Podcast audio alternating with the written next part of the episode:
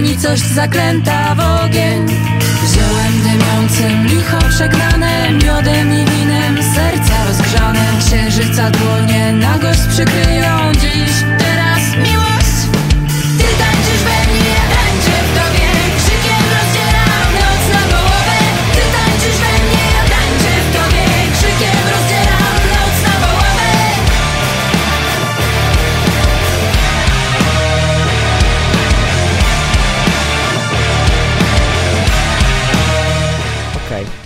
To chciałbym się bardzo serdecznie dzisiaj, dzisiaj tym, tą jesienną porą przywitać. E, Z tej strony Piotr Tyszkiewicz z Metalowego Bicie Serca, a dzisiaj moim gościem będzie Ronald Langer, członek zespołu Czarny Best. Witam bardzo serdecznie. A dokładnie Widon. Cześć. Właśnie, Cza- Czarny Best, e, fenomen na polskiej scenie folk metalowej, którego brzmienie przewodzi nie tylko folk metal, ale i o okolicy Industro, Rammsteinu. Powiedz mi, takie wyjątkowe brzmienie. Kto, kto miał na nie wpływ? Skąd taki pomysł? Wiesz co, to, to trochę takie, mm, to jest taka realizacja trochę moich marzeń muzycznych, bo w tym projekcie w zasadzie jest e, wszystko to, co kocham i takie elementy właśnie e, cięższej muzyki industrialnej, elektronika, taka z żywcem z techno, gdzieś wyjęta trochę z jakichś lat 90., takie elementy przynajmniej e, i, i folk właśnie i to razem próbujemy gdzieś połączyć w jakimś takim miksie. Mam nadzieję, że nam się to udaje. Jak najbardziej wam się to udaje, a ja chciałbym ciebie prosić, skoro ja mam rozmowę jeden na jeden, wywiad pilotażowy przed dużym wywiadem wiosennym, przedstawiłbyś resztę załogi? Tak, no nie ma ze mną wszystkich. Jesteśmy teraz obecnie kwartetem, bo tutaj zespół, skład jego ewoluował i jak zaczynaliśmy w 2020 roku, jak pierwszy klip wydaliśmy, to jeszcze było wtedy pięć osób w zespole. No ale skład się zmienił, wokalistki się też zmieniły, no niestety tak życie się potoczyło. I e, teraz obecnie jesteśmy kwartetem, e, śpiewa Luba, mam pseudonimy swoje w ogóle, używamy ich w, w, kontakcie, z, że tak powiem, z publiką i e, gram takie pewne role w tej zespole i kryjemy się za maskami, które tutaj jest ze mną to maska moja, dzisiaj jestem bez maski, więc e, Luba, e, która występuje bez maski oczywiście i e, jest e, Ciechan, który gra na basie, e, Snowic, który gra na perkusji również. Czyli cztery osoby. No i ja, Widun, gitara. I jakieś tam produkcyjne sprawy, elektroniczne teksty. Jasne, Dobra, właśnie, proszę. właśnie uprzedziłeś mnie trochę, bo o Maska chciałem zapytać, gdyż wielu ludzi może mieć skojarzenia z amerykańskim zespołem Slipknot, który też takowych używa.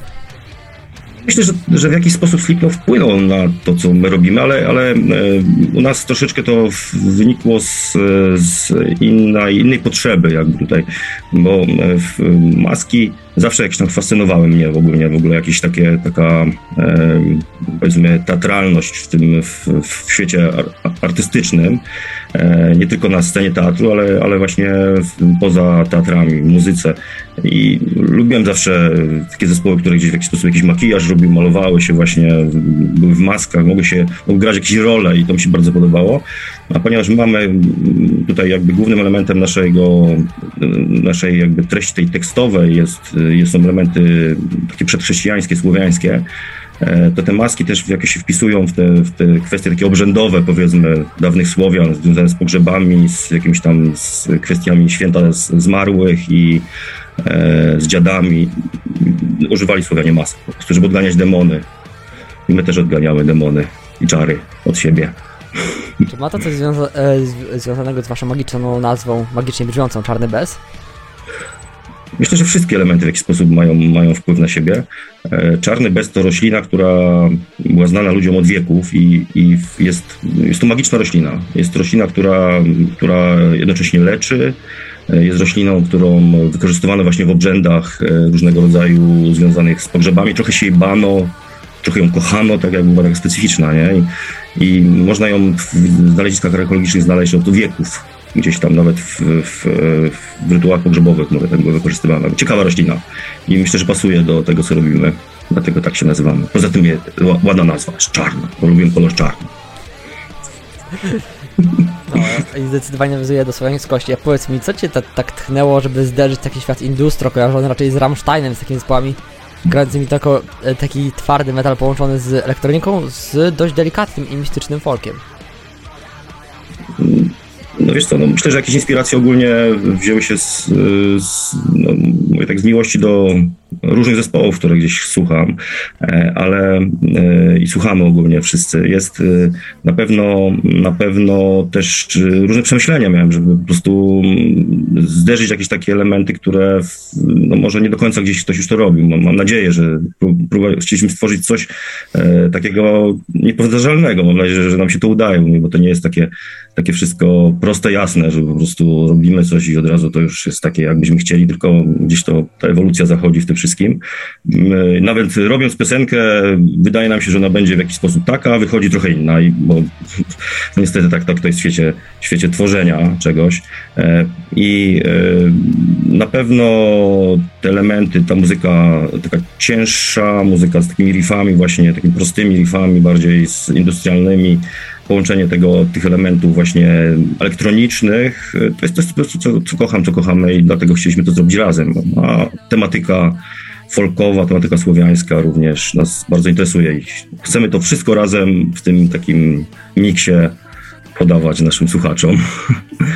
Oczywiście. Nie wiem, czy to dobrze wytłumaczyłem, ale nie, nie wiem, jest to zrozumiałe, że każdy zobaczył mniej więcej zarys waszej wizji artystycznej na tą właśnie okoliczność. A powiedz mi, te maski nie stwarzają jakieś niebezpieczeństwa na koncercie, jak gracie?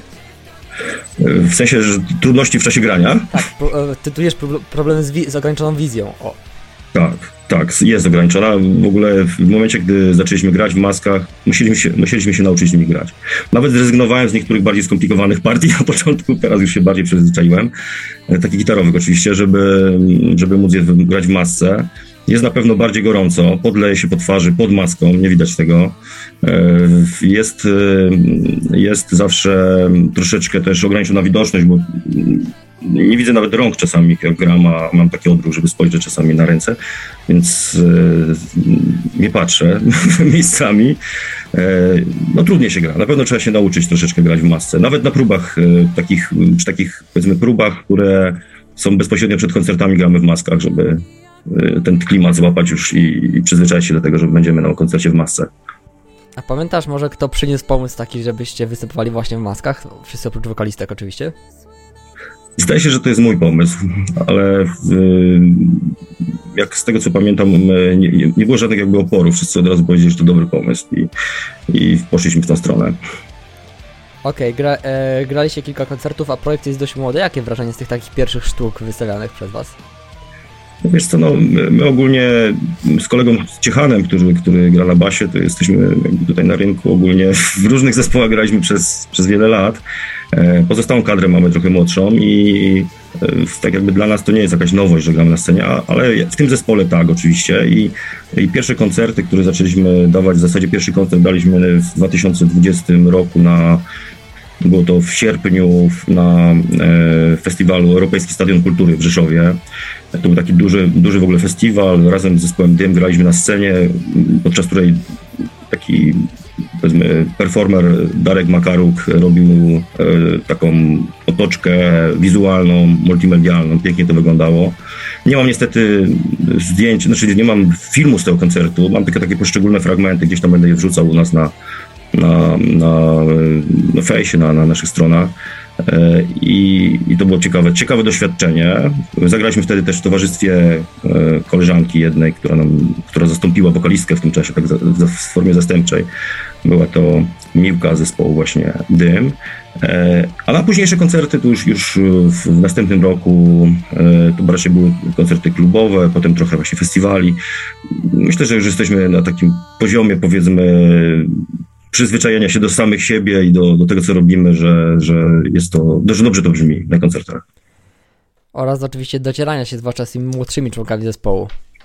Tak, no my, my, dużo gramy, bo w zasadzie odkąd y, zespół jakby wystartował w 2020 roku, w, w marcu wydaliśmy pierwszego, pierwszy jakby klip, umieściliśmy na YouTubie swoim, bo to postrzyga, e, ale wcześniej już y, zespół praktycznie od dwóch lat grał i niektóre kawałki, które teraz szykujemy na płytę, która się, mam nadzieję, że ukaże na wiosnę. Mm, to są numery, które robimy praktycznie są od początku. Na przykład Postrzega to był numer, który był zrobiony w 2018 roku już, nie? a w 2020 dopiero go opublikowaliśmy. On też się na płycie znajdzie oczywiście, przyszłej naszej. E, zdążyliśmy je ograć, tak powiem. Przynajmniej instrumentalnie, a potem wokalistki gdzieś tam musiały się podocierać do tego. Także niektóre kawałki są, już mają trochę lat. Dla nas przynajmniej. Są dosyć wiekowe. Oczywiście, folk metal znany jest w takich dwóch konwencjach. Albo mamy wokale czyste, albo mamy właśnie taki niski, ryczący growling, jak Radogos, czy elementy, czy niektóre kawałki Percivala Schuttenbacha. Czemu poszliście w stronę stricte czystego wokalu? To wiesz co, no to właśnie ma być ta, ta różnica między, między zespołami, które właśnie mm, w taki precyzyjny sposób podchodzą do folk metalu, bo, bo to co powiedziałeś to rzeczywiście raczej dotyczy takich zespołów, które idą tą drogą taką klasyczną, powiedzmy, folk metal. My bardzo oceniamy to w ogóle i, i ja sam osobiście też słucham tych zespołów i bardzo lubię te, te mocne głosy, takie growlowe. No ale mieliśmy takie założenie tutaj, że, że mają być to pieśni takie, które gdzieś są w, tej, w, tej, w tym takim sosie, który robimy, tym miksie takim folk rockowo, powiedzmy, metalowo, e. To ma być, to ma być pieśni po prostu, takie folkowe, nazwijmy to. Nie wszystkie są takie bardzo folkowe, ale większość, jakieś elementy przynajmniej ma. Okej, okay, dobra, a rozmawiałem z Maciejem Wieczorkiem z Welesara i rozmawialiśmy sobie o zespołach folkowych. Co sądzisz o takich ciekawych perełkach jak The Who z Mongolii? Bardzo mi się podoba, w ogóle ja lubię ten taki, taki sposób śpiewania. Ja pamiętam, że jak byłem młodszy, to e, ze znajomymi takie pieśni podobnego typu śpiewaliśmy sobie, każdy jakiś tam ton łapał i takie akordy właśnie próbowaliśmy stworzyć i nawet podobnie to wychodziło. Więc jak usłyszałem ich, mówię, kurczę, to jest bardzo ciekawe w ogóle, że w muzyce e, mongolskiej, w, w, znaczy w takim, takim powiedzmy, że można w ten sposób e, to przedstawić, żeby ten, ten, ten śpiew, taki ta powiedzmy ta taka naturalność tego, tego, tego montclowskiego klimatu była po prostu podana w takim, w takim mocnym, mocnej otoczce. I to jest fajne, bardzo mi się podoba, bo ten zespół jest świetny. Mam nadzieję, że się kiedyś poznamy jakoś tam gdzieś na jakiejś scenie. Oczywiście, tylko ciekawy, w jakim języku byście się dogadali z panami z dalekiej Mongolii. E, jakiś się znajdzie. A powiedz mi jeszcze, że nie kusiło cię nigdy e, wejść na wokal albo spróbować wesprzeć jakoś dziewczyny na wokalu? Nie, nie, za bardzo, chociaż ja, ja jestem też jakby twórcą niektórych linii melodycznych jakby tutaj w tym zespole e, wokalnych, ale mm, mamy taki, taki plan, żeby też zrobić taką, taką e, lżejszą odmianę, taką bardziej powiedzmy akustyczną wersję zespołu i być może tam jakieś wokale będę, ale jeszcze nie jestem pewien. Być może coś tam się pojawi takiego męskiego wokalu również.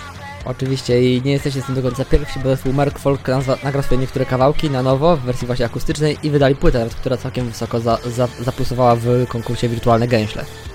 Wiem, słuchałem, bardzo fajne, lubię zespół Merk Folk. Polski, doceniam polskie, polskie zespoły, które robią fajną robotę. Te, które grają właśnie folk metal i okolice takiego folku są świetne. Właśnie, jak sądzisz, czy muzyka ta właśnie folkowa, etniczna powinna być wykonywana w językach narodowych, czy jednak powinna skręcić w kierunku międzynarodowego angielskiego? Ja lubię, jak śpiewa się w swoim języku, po polsku i to też fajnie brzmi dla osób, które mm, słuchają e, spoza granic tego kraju, bo na przykład lubię skandynawskie bardzo kapele i one śpiewają wtedy, jak śpiewają właśnie po norwesku albo po szwedzku, albo jakichś takich odmianach starodawnych swoich języków. E, I to świetnie brzmi. Jakby śpiewali po angielsku, to od razu traci to urok dla mnie. Więc w Polsce według mnie po polsku, a w innych krajach to we własnych językach. Jestem za tym. Genialnie chociażby brzmi, sobie nie wyobrażam Arkony rosyjskiej grającej po angielsku, tak? Na przykład, nie? Uwielbiam Arkonę i po prostu jakby ona...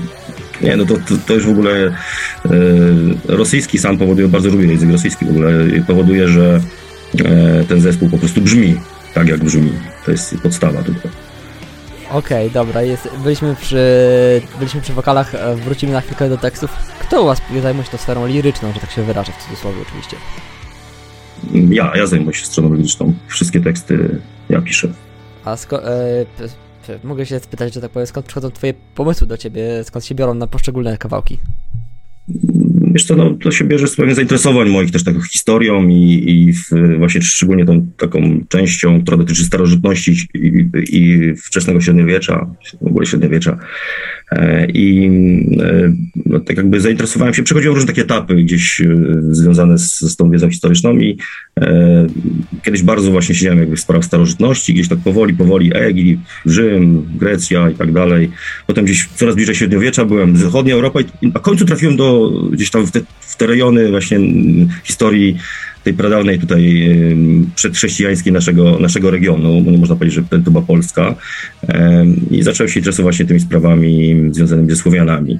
E, I tu nie chodzi, że nie w jakiś sposób religijnie gdzieś tam e, chcemy tutaj jakby wpływać na, na, na inne osoby, czy, czy bo, to, bo, bo sami w sobie nie jesteśmy ani rodzimymi rycami, ani, ani nie ma tutaj jakichś elementów takich e, religijnych, chociaż śpiewamy o, o takich starodawnych bogach, starożytnych bogach, bo, bo, ta kultura i ta historia gdzieś, gdzieś w nas siedzi uważam, że to jest, to jest część naszej, naszej troszeczkę zapomnianej kultury, którą próbujemy gdzieś przypomnieć i pomóc ludziom e, trafić do swoich korzeni, które gdzieś zostały zapomniane i e, zbagatelizowane w obecnych czasach.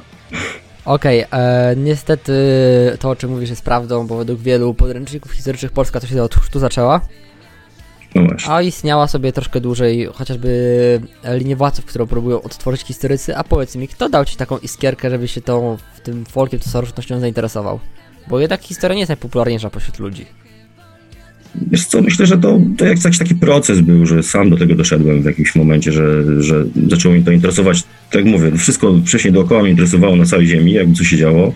Um, Aztekowie gdzieś tam mnie interesowali, ale a tutaj jakby mniej na ten temat wiedziałem i w momencie, gdy trafiłem na ciekawe książki różne, które tutaj opowiadały o, o tych zagadnieniach, o których mówimy, stwierdziłem, że my, my mamy tutaj bardzo, bardzo duże pole do działania właśnie w tej części Europy, te, te, wszystkie kraje słowiańskie, które możemy nazwać słowiańskimi, e, i ta część e, taka wschodnia Europy, która, która e, aż do gdzieś tam do Połabia, gdzieś była zasiedlona przez Słowian. Jest, historia tych krajów i tych, tych narodów jest bardzo ciekawa. Tym bardziej, że większość z nich już w jakiś sposób nie jest taka, jak była. Nie? Zostało zmienione, zostało się to... Historia spowodowała, że ludzie się przesiedlali, inne narody zdobywały tereny innych, no i i teraz, teraz świat wygląda tak, jak wygląda, ale, ale nie wszyscy o tym wiedzą nawet. Ostatnio ciekawą historię słyszałem od jednego chłopaka. Mówił, wiesz, wiesz, że Berlin to, to kiedyś to było miejsce, gdzie mieszkali Słowianie? Wiem i to dobrze. Po prostu o tym nie wiedział. Nie wiedział, nie uczył się tego gdzieś na historii, nie wiem przegapił ten element. Głównym generalnie problemem e, w tych przypadkach jest oczywiście, o czym rozmawiałem też właśnie z wokalistą Welesara, jest brak źródeł, takich konkretnych źródeł o tych czasach, bo niestety ludzie albo byli niepiśmienni, albo później następne chrześcijaństwo starannie zacierało ślady po historii starożytnej. No ja myślę, że, że po prostu e, tak to prawda oczywiście, nie? Słowianie nie pisali, chociaż niektórzy twierdzą, że było jakieś, jakieś pismo, ale nie ma tych, tych e, dowodów na to. E, I e, wiele, wiele tak naprawdę gdzieś elementów na pewno przepadło wraz z, z ludźmi, którzy zapomnieli, którzy, którzy gdzieś z dogrobu zabrali ze sobą tą wiedzę. Myślę, że wiadomo, nowej wierze chrześcijańskiej, która opanowała te tereny, zależało na tym, żeby jak najmniej o tym mówić, jak najmniej przypominać, ale, ale właśnie dzięki kronikarzom chrześcijańskim głównie wiemy coś na ten temat, bo, bo właśnie dzięki kilku wzmiankom w niektórych kronikach, czy, czy jakichś tam powiedzmy powieściach e, ruskich gdzieś e, coś wiemy na ten temat w ogóle, a reszta to jest kwestia archeologii i powiedzmy jakichś badań folklorystów, badań e, osób, które badają język, kulturę. To, to, to tak w ten sposób jest odtwarzane. No sporo też jest fantastów oczywiście, którzy próbują wymyślić różne rzeczy na nowo i niektórzy w to wierzą również. Ciężko to odróżnić też od siebie, w internecie szczególnie. No w internecie weryfikacja informacji jest szczególnie trudna, ale jedynym elementem słowiańskiej kultury, który przyszedł do popkultury przed oczywiście Wiedźminem była twierdza Arkona. Ostatni bastion dawnych wierzeń przed, no, przed nastaniem chrześcijaństwa w całej Europie. Tak, no, mam zamiar napisać piosenkę o Arkonie. Właśnie teraz analizuję bardzo, ten, siedzę gdzieś w tych tematach. E, właśnie Połabia, Arkony. Mamy jedną, jedną już na nową płytę w zasadzie. Już zaczęliśmy robić piosenkę, jeszcze nie wydaliśmy tamtej, tak? A już robimy nowe. No, tak mówię, u nas powstaje to dosyć długo. E, ale mm, właśnie gdzieś, gdzieś będą jakieś e, właśnie takie pieśni, które będą dotyczyć gdzieś trochę tamtych rejonów słowiańszczyzny, chociaż nie zawsze z punktu widzenia takiego braterstwa słowiańskiego to, to byli nasi przyjaciele, bo, bo my toczyliśmy też wojny z, z plemionami połapskimi jako powiedzmy E, jakbyśmy tak patrzyli na, na Piastów jako powiedzmy naszych, e, naszych pierwszych królów i, i, e, na historię Polski, no, to wiele razy tam gdzieś i po różnej stronie stawaliśmy, ale z punktu widzenia takiego czysto słowiańskiego, takiego genetycznego bardziej bym powiedział, to, to jednak nasi bracia. I no rzeczywiście ten, ten, ten bastion słowiaństwa tam był jeden z ostatnich, czyli ten pogański powiedzmy, przedchrześcijański bastion to byli oni, no i oczywiście dzięki pomocy również naszych władców został ten bastion zlikwidowany, niestety. Pomogliśmy w tym, tak samo na Pomorzu i tak samo na, na, na właśnie na Połabiu. I e, stolice wszystkie, i Radogoszcz, i poszczególne Retre i tak dalej, tam Arkone. Pomogliśmy je zlikwidować w jakiś sposób, można powiedzieć, tak szerzej patrząc na sprawę. Okej, okay, mieliśmy okazję pogadać trochę, porozmawiać trochę o historii, trochę poruszyć tych tematów mniej muzycznych, a powiedz mi tak ogólnie, czym jest dla Ciebie folk metal? Jakoś go definiujesz? Tak sobie prywatnie. Mm, tak, definiuję to troszeczkę tak sobie. Znaczy nie próbowałem nigdy, ale myślę, że mam to poukładane jakoś tak w głowie mniej więcej.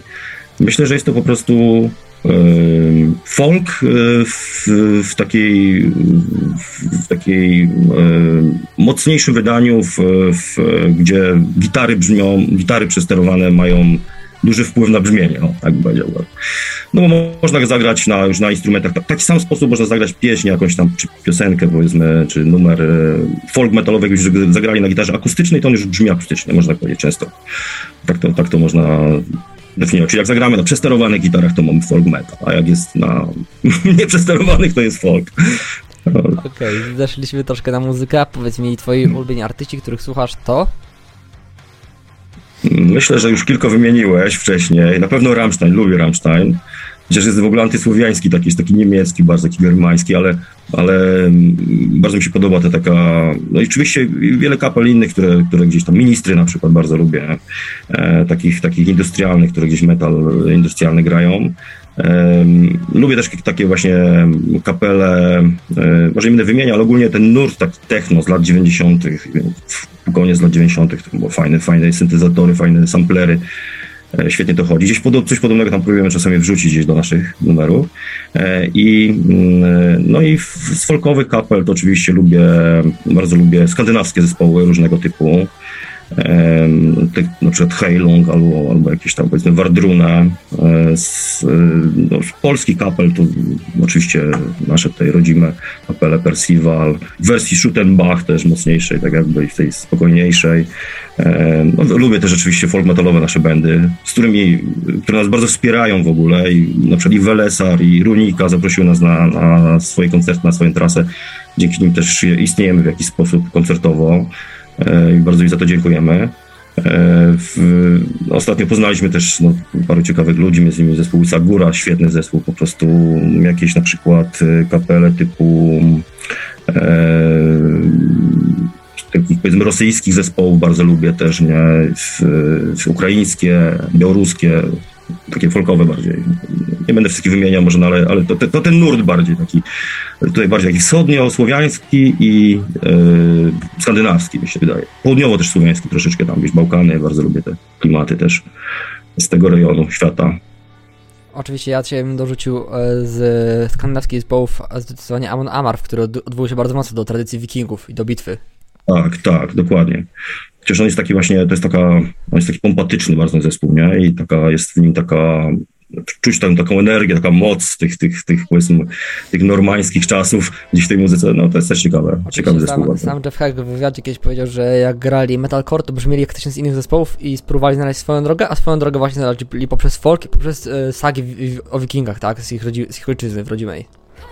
No, dokładnie. No, myślę, że oni mają o tyle właśnie e, łatwiej z pewnymi zagadnieniami takimi przedchrześcijańskimi, że mają właśnie sagi, z których mogą korzystać i one na pewno są natchnieniem na, wiel, wiele artystów e, skandynawskich.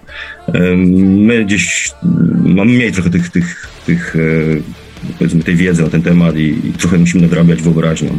Mamy nawet taką piosenkę jedną na ten temat, która o tym mówi właśnie. Zdecydowanie. Wyobra- jest czas wyobraźni dla nas. Zdecydowanie nadawacie wyobraźnią i pracowitością, bo istniejąc od 2020 roku chyba pojawiły się już trzy klipy w sieci. Tak, trzy klipy i no, tutaj tą pandemia trochę nam przeszkodziła, bo mieliśmy jeszcze plan na jeden klip, ale wszyscy gdzieś po kolei albo mieli jakieś problemy zdrowotne, albo e, jakieś tam z, problemy z, e, logistyczne z pracą gdzieś tam, no i po prostu tak się to wszystko poukładało.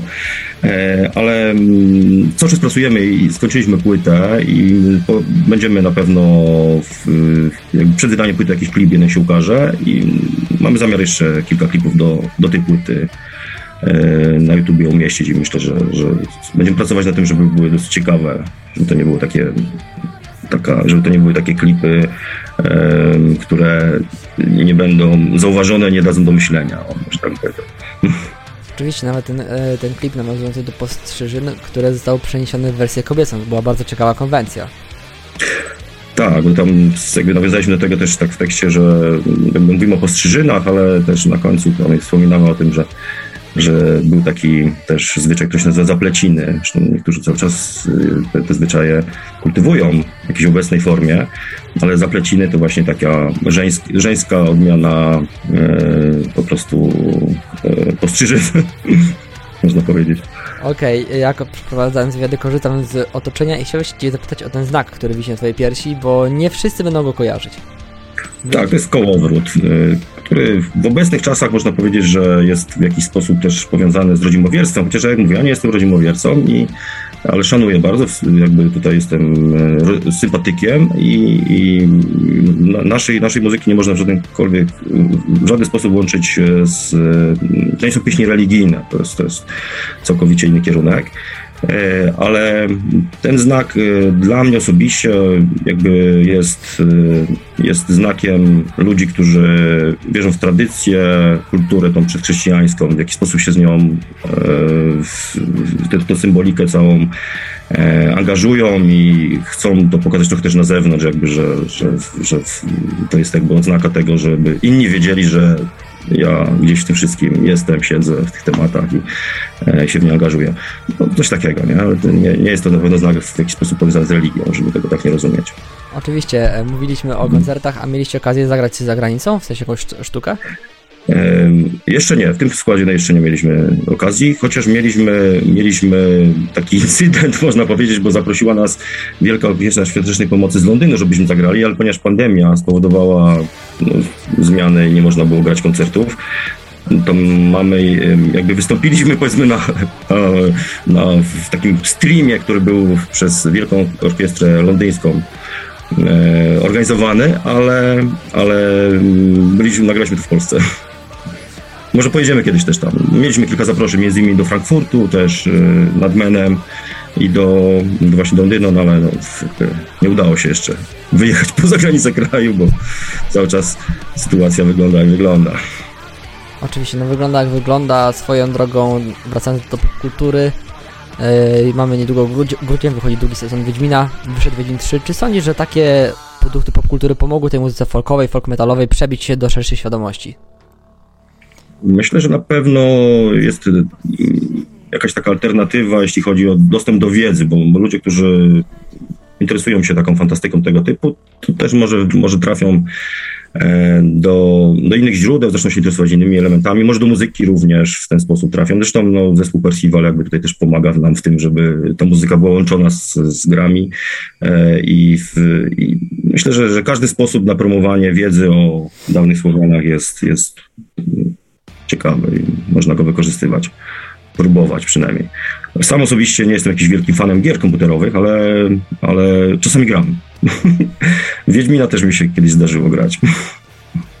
Okej, rozumiem. To ja jeszcze mam takie pytanie na zakończenie. Czy uważasz, że artyści powinni mieć pełną wolność w wypowiadaniu, swo- wyrażaniu siebie? I tu mówimy o rzeźbiarzach, malarzach, grafikach, muzykach. Czy też jakieś ograniczenia powinny obowiązywać? Myślę, że każdy powinien robić tak, jak czuje to. Jeśli są osoby, które chcą i jakby akceptują to, co robi, w jakiś sposób chcieliby em, gdzieś wspierać tego artystę, to, to dlaczego nie? To może sobie robić tak jak chce. Chociaż widziałem różnych bardzo takich, kurczę, na granicy takiego jakiegoś czystego rozsądku, czy jakiejś estetyki artystów, którzy różne rzeczy robili, no ale też mieli swoich fanów, więc jeśli komuś się to podoba, to dlaczego nie? Oczywiście, ja ci Wol, wolność powinna być w, tym, w stronach artystycznych. zdecydowanie wolność jako najwyższa wartość. Ja ci bardzo, bardzo serdecznie dziękuję. Wspierajcie koniecznie Czarny Bez na wszystkich mediach społecznościowych. Lajkujcie, komentujcie, da dawajcie wyraz swojej aprobacie bądź dezaprobacie, po prostu, że istniejecie. I o to samo prosi Metalowe Bicie Serca wraz z całą redakcją. Ja ci bardzo serdecznie dziękuję. A tradycją jest to, że gość może jeszcze ładnie podsumować naszą rozmowę.